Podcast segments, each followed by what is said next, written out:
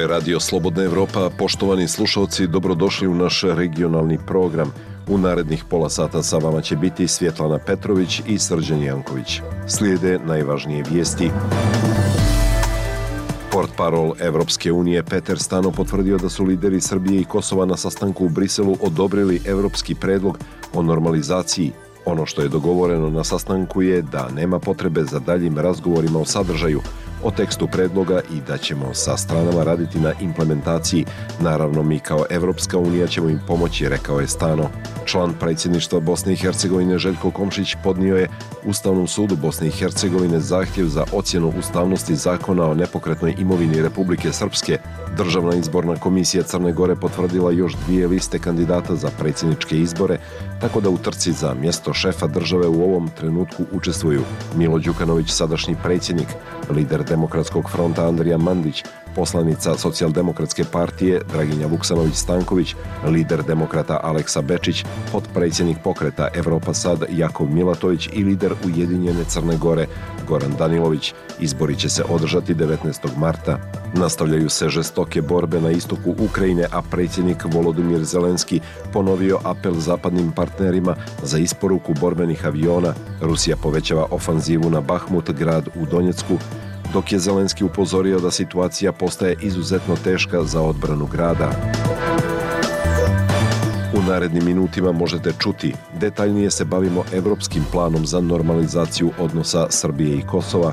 Djeluje da je postignut dogovor o dogovoru ovako za Radio Slobodna Evropa, komentariše Dušan Spasojević sa Fakulteta političkih nauka u Beogradu i ocjenjuje izjave iz Brisela da su Srbija i Kosovo izrazili spremnost da nastave sa implementacijom evropskog plana. I da su sada ključna pitanja kako će se taj sporazum implementirati.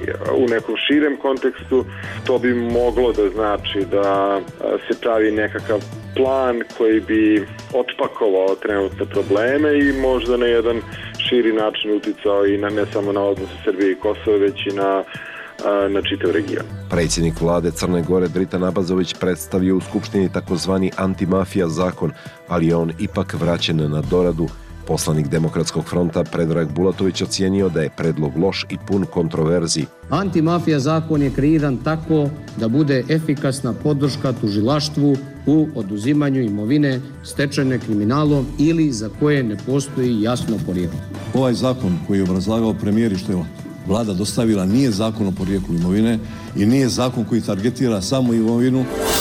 Slušate radio Slobodna Evropa.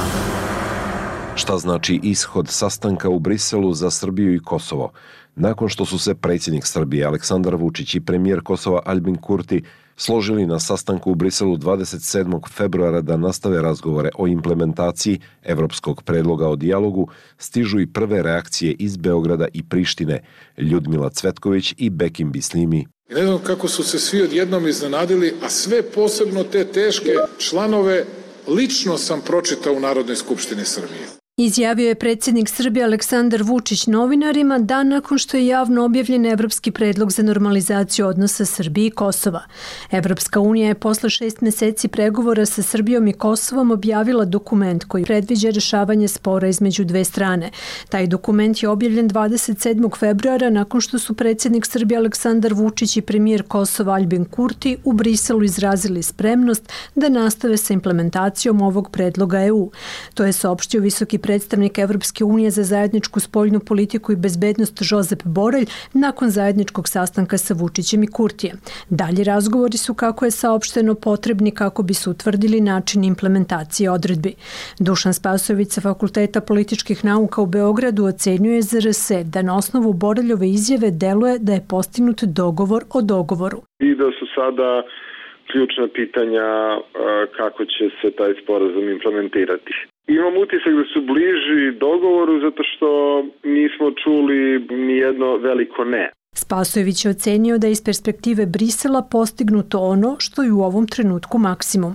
To je jedno spoljno političko svrstavanje, verovatno i određeno distanciranje od Rusije, a čini se da je to za Brisel sada najvažnije. On je dodao da postizanje dogovora znači da postoji određen jasan plan puta oko približavanja Srbije Evropskoj uniji mi smo videli da eksplicitno u nekim tačkama dogovora postoje planovi za određena ulaganja koje bi sasvim sigurno pojačala prisustvo Europske unije. Predlog Evropske unije za sporazum o putu ka normalizaciji Kosova i Srbije predviđa da će obe strane međusobno prepoznati svoje dokumente i nacionalne simbole, uključujući pasuše, diplome, registarske tablice i carinske pečete. Također se predviđa i otvaranje diplomatskih misija Srbije i Kosova u sedištima vlada tih zemalja. U planu se ne spominje mogućnost članstva Kosova u Ujedinjenim nacijama, ali se kaže da se Srbija neće protiviti članstvu Kosova u bilo kojoj međunarodnoj organizaciji. Rahman Pačarizi, profesor Univerziteta u Prištini, ocenio je ZRS da za potpisivanje sporazuma moraju postojati snažne garancije Sjedinjenih država i Evropske unije koje će biti na višem nivou od posrednika. Oni su imali obavezu da pripreme sporazum, ali da ne budu garant njegovog potpisivanja. Mislim da je to bio osnovni problem, iako se na trilateralnom sastanku potom poteglo pitanje sprovođenja. Pačarizi također smatra da sporazum predstavlja održavanje statusa quo, ali ipak veruje i da doprinosi miru i bezbednosti na terenu. To je sporazum o nastavku dijaloga, sporazum o problemima koji će se rešavati razgovorima. Politikolog iz Beograda Ognjan Gogić je ocenio da ni jedni ni drugi nisu do kraja zadovoljni onim što sporazum podrazumeva. To u načelu prihvatim sporazum, ali da je potrebno neke druge stvari u okviru njega definisati. On je dodao da i dalje na snazi dobro poznat pristup konstruktivne dvosmislenosti u formulisanju sporazuma koji stranama omogućava da ga tumače kako njima odgovara. Gogić je rekao da dogovor predstavlja neku vrstu primirja i zamrzavanja sukoba, te da se konačni sporazum o statusu Kosova odlaže, dok na snazi ostaje status quo, kako bi se sprečila eskalacija situacije na Zapadnom Balkanu u vreme kada je pažnja Zapada usmerena na rat u Ukrajini. Evropska unija očekuje do sednice Evropskog saveta 23. i 24. marta izveštaj da li su Beograd i Priština postigli neki napredak. To je novinarima preneo predsjednik Srbije Aleksandar Vučić. Vučić. Dodao je da će se Evropska unija u skladu sa tim izveštajem odnositi prema evropskim integracijama i jednih i drugih. Za radio Slobodna Evropa iz Prištine, Bekim Bislimi i Beograda Ljudmila Cvetković. Kako na dogovoru u Briselu gledaju građani Beograda svoje utiske za Radio Slobodna Evropa su podijelili Dragan, Milutin, Bogoljub i Jelena a još to nije usvojeno, tako da će se o tome razgovarati ili ne razgovarati. Šta bi za vas bile crvene linije u pregovorima? To, to je, ne možemo ih pustiti ni u Ujedinjene nacije, ni u UNESCO, ni u Interpol. Da se prvo uradi ono što je dogovoreno, znači zajednica srpskih opština, pa tek onda sve ostalo. To je priznanje Kosova kao države. Da li biste se vi protivili tome? Pa, znate šta, kad razmišljamo ovako na drugi način, Tamo ima verovatno 95% sada Kosovara, odnosno Albanaca i 5% naših. Nemamo mi više šta tamo da tražimo. Mislim da, da je Kosovo zapravo davno dato, samo to još treba negde da se objavi. Građani Beograda su govorili o svojim utiscima o dogovoru u Briselu a delegacija političkih predstavnika Albanaca sa juga Srbije boravi u Vašingtonu gdje će sa američkim zvaničnicima razgovarati o situaciji u Preševskoj dolini i položaju Albanaca u Srbiji.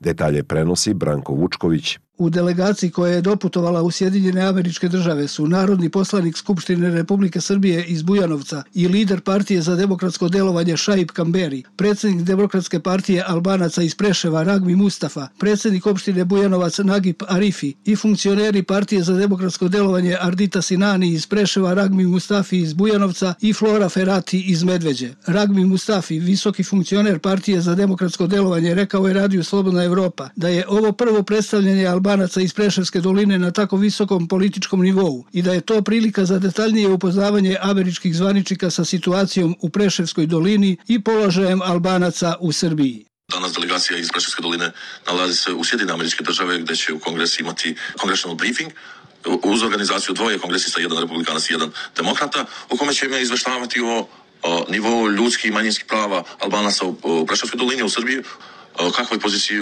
se nalazi Albanci i kako se i kako se nose sa diskriminacijom koja do sada. Ono što je važno i u Sjedinjene američke države da kroz ovakvi poseta budu sve češće budu u Preševskoj dolini, budu u Balkanu, jer ipak Sjedine američke države jesu lider demokratije i prosperiteta u svetu. Mustafi je rekao da je za razvoj demokratije i ljudskih prava na Balkanu veoma važan napredak u pregovorima Srbije i Kosova postignut u Briselu. Pozdravljam progres koji je napravljen u dijalogu između Kosova i Srbije. Ono što je važno da a, jedan od fundamentalnih principa ispoštuje, a to je reciprocitet i da ovaj je veoma, veoma bitan korak za ceo region, odnosno i za odnose između Kosova i Srbije, a ne samo to, nego i odnosa prema albanskoj zajednici u Preštovskoj dolini.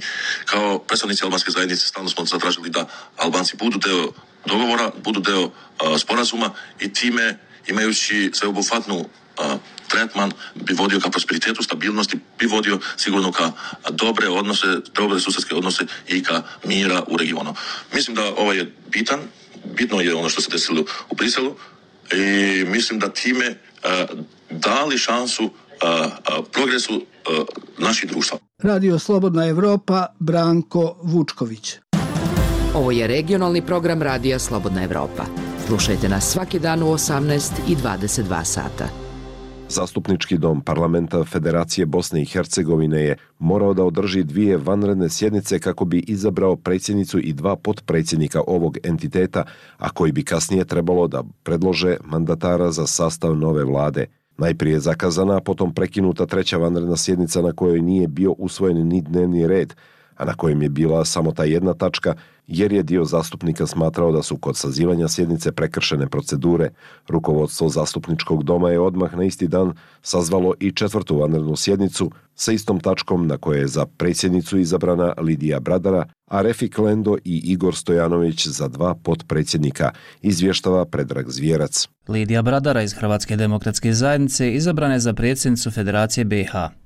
Refik Lendo iz stranke demokratske akcije Igor Stojanović iz socijaldemokratske partije izabrani se za podpredsjednike ovog entiteta u Bosni i Hercegovini. Zastupnički dom je u utorak održao dvije vanredne sjednice kako bi se izagralo rukovodstvo ovog entiteta, a koje treba naknadno predložiti mandatara za sastav nove vlade. Najprije je zakazana, a potom prekinuta treća vanredna sjednica na kojoj nije bio usvojeni dnevni red, a na kojem je bila samo ta jedna tačka, jer je dio zastupnika tvrdio da su kod sazivanja prekršeni poslovnik i ustav. Rukovodstvo je odmah za isti dan sazvalo novu četvrtu vanrednu sjednicu na kojoj je većinom glasova izabran vrh izvršne vlasti u ovom entitetu. Predsjedavajuća Mirjana Marinković-Lepić. Nakon obavljenog pojedinačnog glasanja, dakle, konstatujem da je sa 58 glasova za, 35 glasova protiv i jednim glasom suzdržan, donijeta odluka o izboru predsjednika i dva podpredsjednika Federacije Bosne i Hercegovine. Ovim smo sjednicu završili, vidimo se polovinom marta. Čestitam vam svima sutrašnji dan nezavisnosti 1. mart. Parlament Federacije ranije 16. februara izglasao da Bradara Lendo i Stojanović budu novo rukovodstvo Federacije BiH. Oni su se trebali dogovoriti ko će biti predsjednik ili predsjednica, a ko dva podpredsjednika. Lidija Bradara iz HDZ-a i Igor Stojanović iz SDP-a, a ove dvije stranke su dio koalicije koja pretendira preuzeti izvršnu vlast u entitetu. Lendo iz SDA, najveće bošnjačke partije u federaciji. Ova politička stranka je oporba nakon izbora održanih u oktobru prošle godine. Iz ove stranke su poručivali da nema uvjeta da se izabere predsjednik federacije, da se to treba dogovoriti u paketu s premijerom i vladom, u kojoj bi smatraju trebala biti ova stranka. Mirsad Zajmović, šef kluba SDA u zastupničkom domu.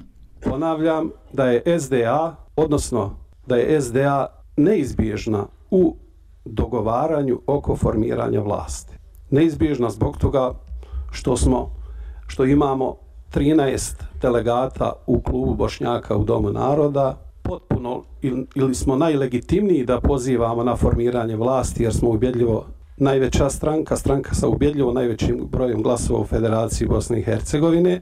HDZ BH i osam drugih stranaka predvođenih SDP-om prijedlog SDA su odbili i traže način da zaobiđu veto pod predsjednika Lende i završe formiranje vlasti bez SDA i njenog partnera Demokratske fronte. Izbori u Bosni i Hercegovini održani su u oktobru prošle godine i do sad su formirane vlada entiteta Republika Srpska i Državno vijeće ministara u kojem nema SDA i DF-a još nisu formirane vlada Federacije BiH i osam od deset kantonalnih vlada u entitetu, u kojima vlast također žele formirati Ozmorka i HDZ bez SDA gdje god imaju većinu. Za radi Slobodna Evropa i Sarajeva, Predrag Zvijerac. Od 35 novinara koji su svjedočili u 161 predmetu za ratne zločine u Hagu, trojica su bila iz Bosne i Hercegovine. Sead Omeragić bio je na zadatku u Bijeljini kada je došao na nišan Arkanovih snaga. Knjiga, prvi nacrt historije, kažu urednici, podcrtava značaj novinara kao svjedoka, naročito u svjetlu zločina koji se dokumentuju širom planete, pripremila Dženana Halimović. Susret s Arkanom u Bijeljini 1992. godine bio je dio svjedočenja novinara Seada Omeragića na suđenju Slobodanu Miloševiću i Momčelu Krajišniku u Hagu. Uloga tjelohranitelja Fikret Avdića umalo ga je, kaže, koštala života. Pa bilo je trenutak kada mi stavljaju ovaj, od cijevi, od pištola, od nekoga, ne znam, njemačkog heklera na, na čelo.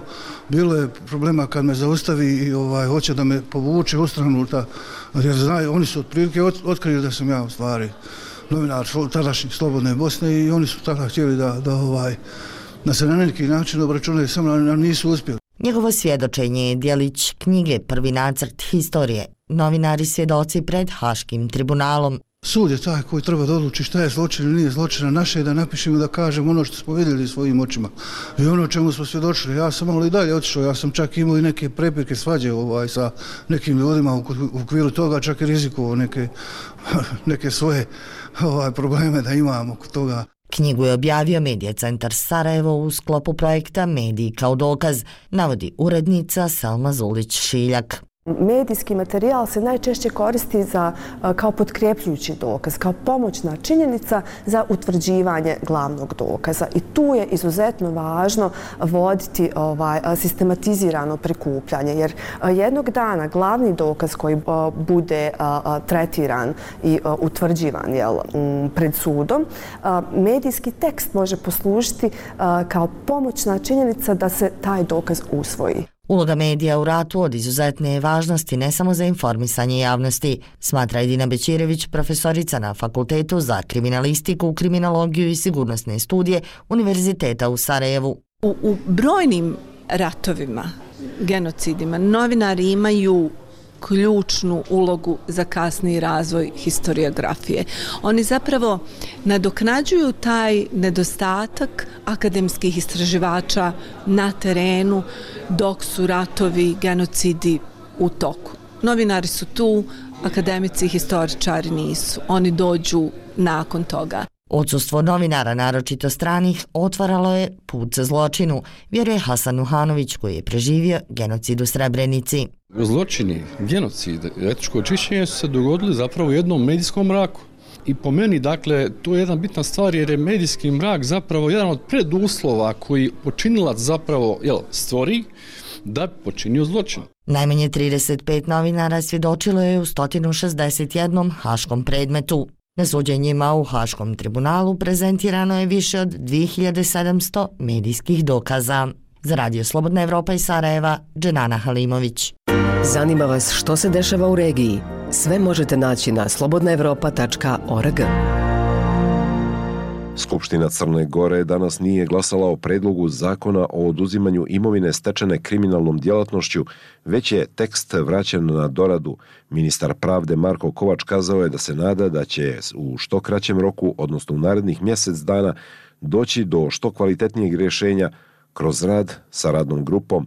Dio nevladinog sektora je uputio niz primjedbi i konstatovao da će mnogi koji su se nelegalno obogatili sačuvati svoju imovinu – Poslanicima se ispred vlade kao predlagača obratio premijer u tehničkom mandatu Drita Nabazović, koji je rekao da su postojeći zakoni na osnovu kojih se oduzima nelegalna imovina bili neefikasni. Antimafija zakon je kreiran tako da bude efikasna podrška tužilaštvu u oduzimanju imovine stečene kriminalom ili za koje ne postoji jasno porijeklo. I sva ta priča da postoje funkcioneri iz prethodnog režima ili biznismeni iz prethodnog režima ili današnji biznismeni u Crnoj Gori ili političari u Crnoj Gori koji ovim zakonom nisu obuhvaćeni nije tačno. Dakle, to odgovorno tvrdim, apsolutno nije tačno i tužilaštvo prema bilo kome od tih lica, možemo i ad nominem da govorimo od, od tih lica, da pokrene postupak, on morat će da ima dokazivanje imovine u građanskom postupku prema zakonu koji nudimo kao model da se pomogne tužilaštvo u Crnoj Gori. Najveći novitet zakona jeste da nam sada neće trebati pravosnažan presud. Da će u građanskom postupku finansijsku istragu možda se pokrene odmah. Bio je to premijer Dritan Abazović, a iz proruskog demokratskog fronta je saopšteno da nisu zadovoljni predlogom izmjena zakona, čiji je poslanik Predrag Bulatović bio najavio da se o tom predlogu neće izjašnjavati. On je podsjetio da taj predlog ima niz kontroverzi i da su primjedbe imali i Evropska komisija kao i domaći pravni stručnjaci, sudije i tužioci. Bulatović je predložio da se nastavi sa radom na zakonu. Ovaj zakon koji je obrazlagao premijer i što je vlada dostavila nije zakon o porijeklu imovine i nije zakon koji targetira samo imovinu, nego je neophodno sva međunarodna iskustva, svu pamet u krivično uh, pravnoj materiji E, Crne Gore angažovati što hitnije i što prije da se targetira imovina i da se oni koji su opljačkali Crnu Goru, oni koji su privatizovali i pokrali kombinat aluminijuma, željezaru, da ne nabrajam preduzeća dalje, a to su vrlo konkretni ljudi koji e, su navodno ugledni, a nisu ugledni, se njima ta imovina oduzme, oporezuje i tako dalje. To ovaj zakon nije. To je složen poduhvat koji podrazumijeva vjerovatno i promjenu ustava. Traži najmanje poznavanje međunarodnih odnosa, prakse e, Europskog suda kome mi podležemo i tako dalje. Dakle, ono što želim da kažem da ovaj zakon to nije. Bio je to Predrag Bulatović, poslanik Demokratskog fronta. Slušate regionalni program Radija Slobodna Evropa. Već osam dana onkološki pacijenti u entitetu Federacije Bosne i Hercegovine nemaju citostatike potrebne za liječenje kancerogenih oboljenja. Zavod zdravstvenog osiguranja Federacije Bosne i Hercegovine je 20. februara obavijestio javnost da je pet vrsta citostatika nedostupno na tržištu Bosne i Hercegovine, kako su naveli zbog poremećaja na tržištu. Ovo je peta nestašica citostatika od 2018. godine. Slušamo Ermina Zategu. Iz Zavoda zdravstvenog osiguranja Federacije Bosne i Hercegovine su 20. februara naveli da će refundirati troškove svim pacijentima koji uspiju sami naći i vlastitim novcem kupiti citostatike koje Zavod nije nabavio. U potrazi za lijekom je i 42-godišnja Sarajka Amila Kašibović, koja ima metastatski karcinom dojke, kaže da se teško nosi sa stanjem u kojem se našla. Kako se odražava na mene? Odražava se tako da sam i oglučena i, i uplašena. Kad sam shvatila konačno šta to znači, to znači znači da bi ja trebala da imam svaki mjesec 6000 maraka da bi ja produžila sebi život za mjesec dana. I znači, neko se opasno igra sa životima onkoloških pacijenata i neko se opasno igra Boga time da odlučuje ko će živjeti ako nije. Iz Zavoda zdravstvenog osiguranja entiteta Republika Srpska su potvrdili kako trenutno nemaju problema sa nedostatkom citostatika. Bosna i Hercegovina nema registar onkoloških pacijenata, pa tako zdravstveni sistem ne može pratiti broj novih slučajeva niti stadij bolesti u kojem se pacijenti nalaze. To dodatno otežava planiranje nabavke potrebnih lijekova. Zdravstvo u Bosni i Hercegovini nije u nadležnosti države, već dva entiteta, odnosno deset kantona u entitetu Federacija Bosne i Hercegovine te u Brčko distriktu. To znači da se građani mogu liječiti samo u entitetu u kojem žive, te uglavnom samo u svom kantonu u Federaciji Bosne i Hercegovine. Ljekari u kliničkom centru Univerziteta u Sarajevu najavljuju da će stanje sa citostaticima biti još gore. Nedostatak citostatika u kliničkom centru Univerziteta u Sarajevu je evidentan, a situacija će biti još lošija. Nedostatak citostatika traje relativno dugo, a može ih nabavljati isključivo Zavod zdravstvenog osiguranja i reosiguranja Federacije BiH. Nedostatak lijekova može dovesti do ozbiljnog poremećaja u tretmanu onkoloških pacijenata. Zavod u Federaciji Bosne i Hercegovine citostatike nabavlja novcem koji se izdvaja u Fond solidarnosti. Ovaj fond se finansira doprinosima zdravstvenog osiguranja kojeg plaćaju zaposlenici u federaciji. Vlada ovog entiteta je prema zakonu dužna da izdvoji iz budžeta isti iznos novca koliko se prikupi i od građana. Međutim, vlada već godinama krši zakon o zdravstvenom osiguranju jer Fondu solidarnosti uplaćuje manje od 20% zakonom propisanog budžetskog granta – Ovo je više puta utvrdio Ured za reviziju institucija u Federaciji Bosne i Hercegovine. U Zavodu zdravstvenog osiguranja kažu da preduzimaju sve da obezbijede snabdijevanje zdravstvenih ustanova lijekovima koji se finansiraju sredstvima Federalnog fonda solidarnosti. Zavod se kontinuirano zalaže za povećanje nedovoljnih izdvajanja za Fond solidarnosti koji finansira liječenje rastućeg broja pacijenata. Dugotrajne tenderske procedure i nezainteresovanost vele farmaceutskih firmi za malo tržište i male količine koje se naručuju, te ponude koje premašuju iznose koje je Zavod planirao izdvojiti za određenu nabavku, dodatno otežavaju pravovremenu nabavku lijekova. U septembru 2019. godine su na listama čekanja na lijekove iz Fonda Solidarnosti bila 343 pacijenta. Taj broj se do kraja 2021. godine povećao na 672 pacijenta. Za Radio Slobodna Evropa, Ermin Zatega. slobodnaevropa.org Pratite nas na Facebooku, Twitteru i YouTubeu.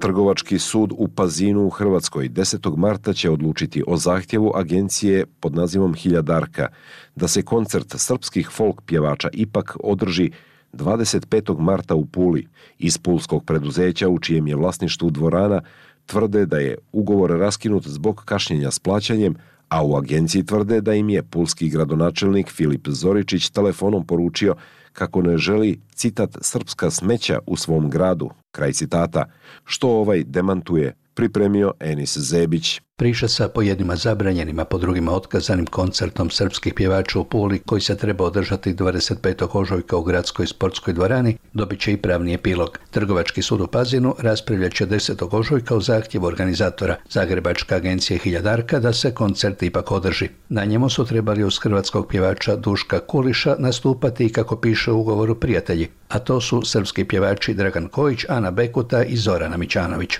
Priča je dospjela u javnost kada je organizator koncerta 22. veljače objavio kako je prodao gotovo 3000 ulaznica, ali da je ugovor raskinut kada je gradonačelnik Pula, inače nezavisni Filip Zoričić, saznao tko će sve pjevati. Vlasnik agencije Hiljadarka Mario Cindori tvrdi da mu je Zoričić u telefonskom razgovoru kazao kako ne želi srpska smeđa u svom gradu i da mu je psovao srpsku majku. Zoričić demantira da je bilo što takvoga rekao i kaže da bi reagirao i ranije, ali da je za sve saznao tek iz medija.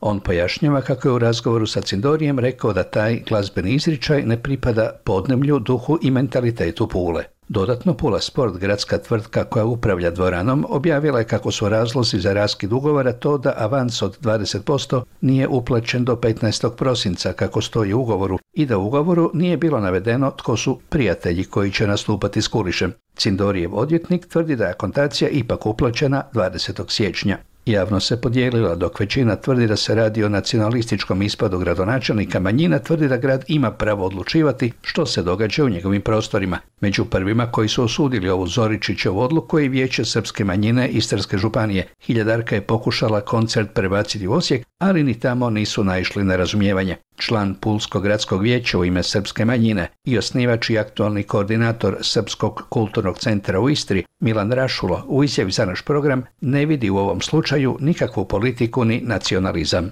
Ne ulazim u neke disonantne tonove koji su izrečeni u medijima, niti mislim da ima to bilo kakve veze sa odnosom prema srpskoj zajednici. Osobno, a to je stavi srpske zajednice, mi smo protiv bilo kakvih zabrana, a isto tako smatramo da grad Pula ima autonomno pravo i autonomiju da selektivno pristupa programima koji će se dešavati u njihovim prostorima. Urednik web magazina Pop kulture Ravno do dna Zoran Stajčić za naš program kaže kako slučaj ne bi ni došao u javnost da se radi o običnom raskidu ugovora zbog nepoštivanja rokova, nego se radilo o tome da je pulski gradonačelnik Zoričić koncert zabranio i to s argumentacijom koju je tada upotrijebio. Mislim da je cijela situacija jedan, jedan onak stravični nonsens. I to nonsens koji je pogonjen ničim drugim nego nacionalizmom, samim tim ignorantskim ponašanjem i nerazumijevanjem glazbe i glazbenih tokova koji se ovdje događaju. Za radio Slobodna Evropa iz Zagreba, Enis Zajebić.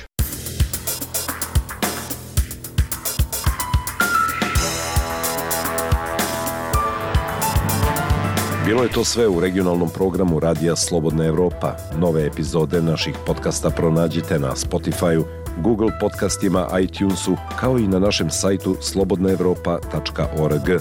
Pozdravljaju vas Svjetlana Petrović i Srđan Janković. Prijatno i do slušanja.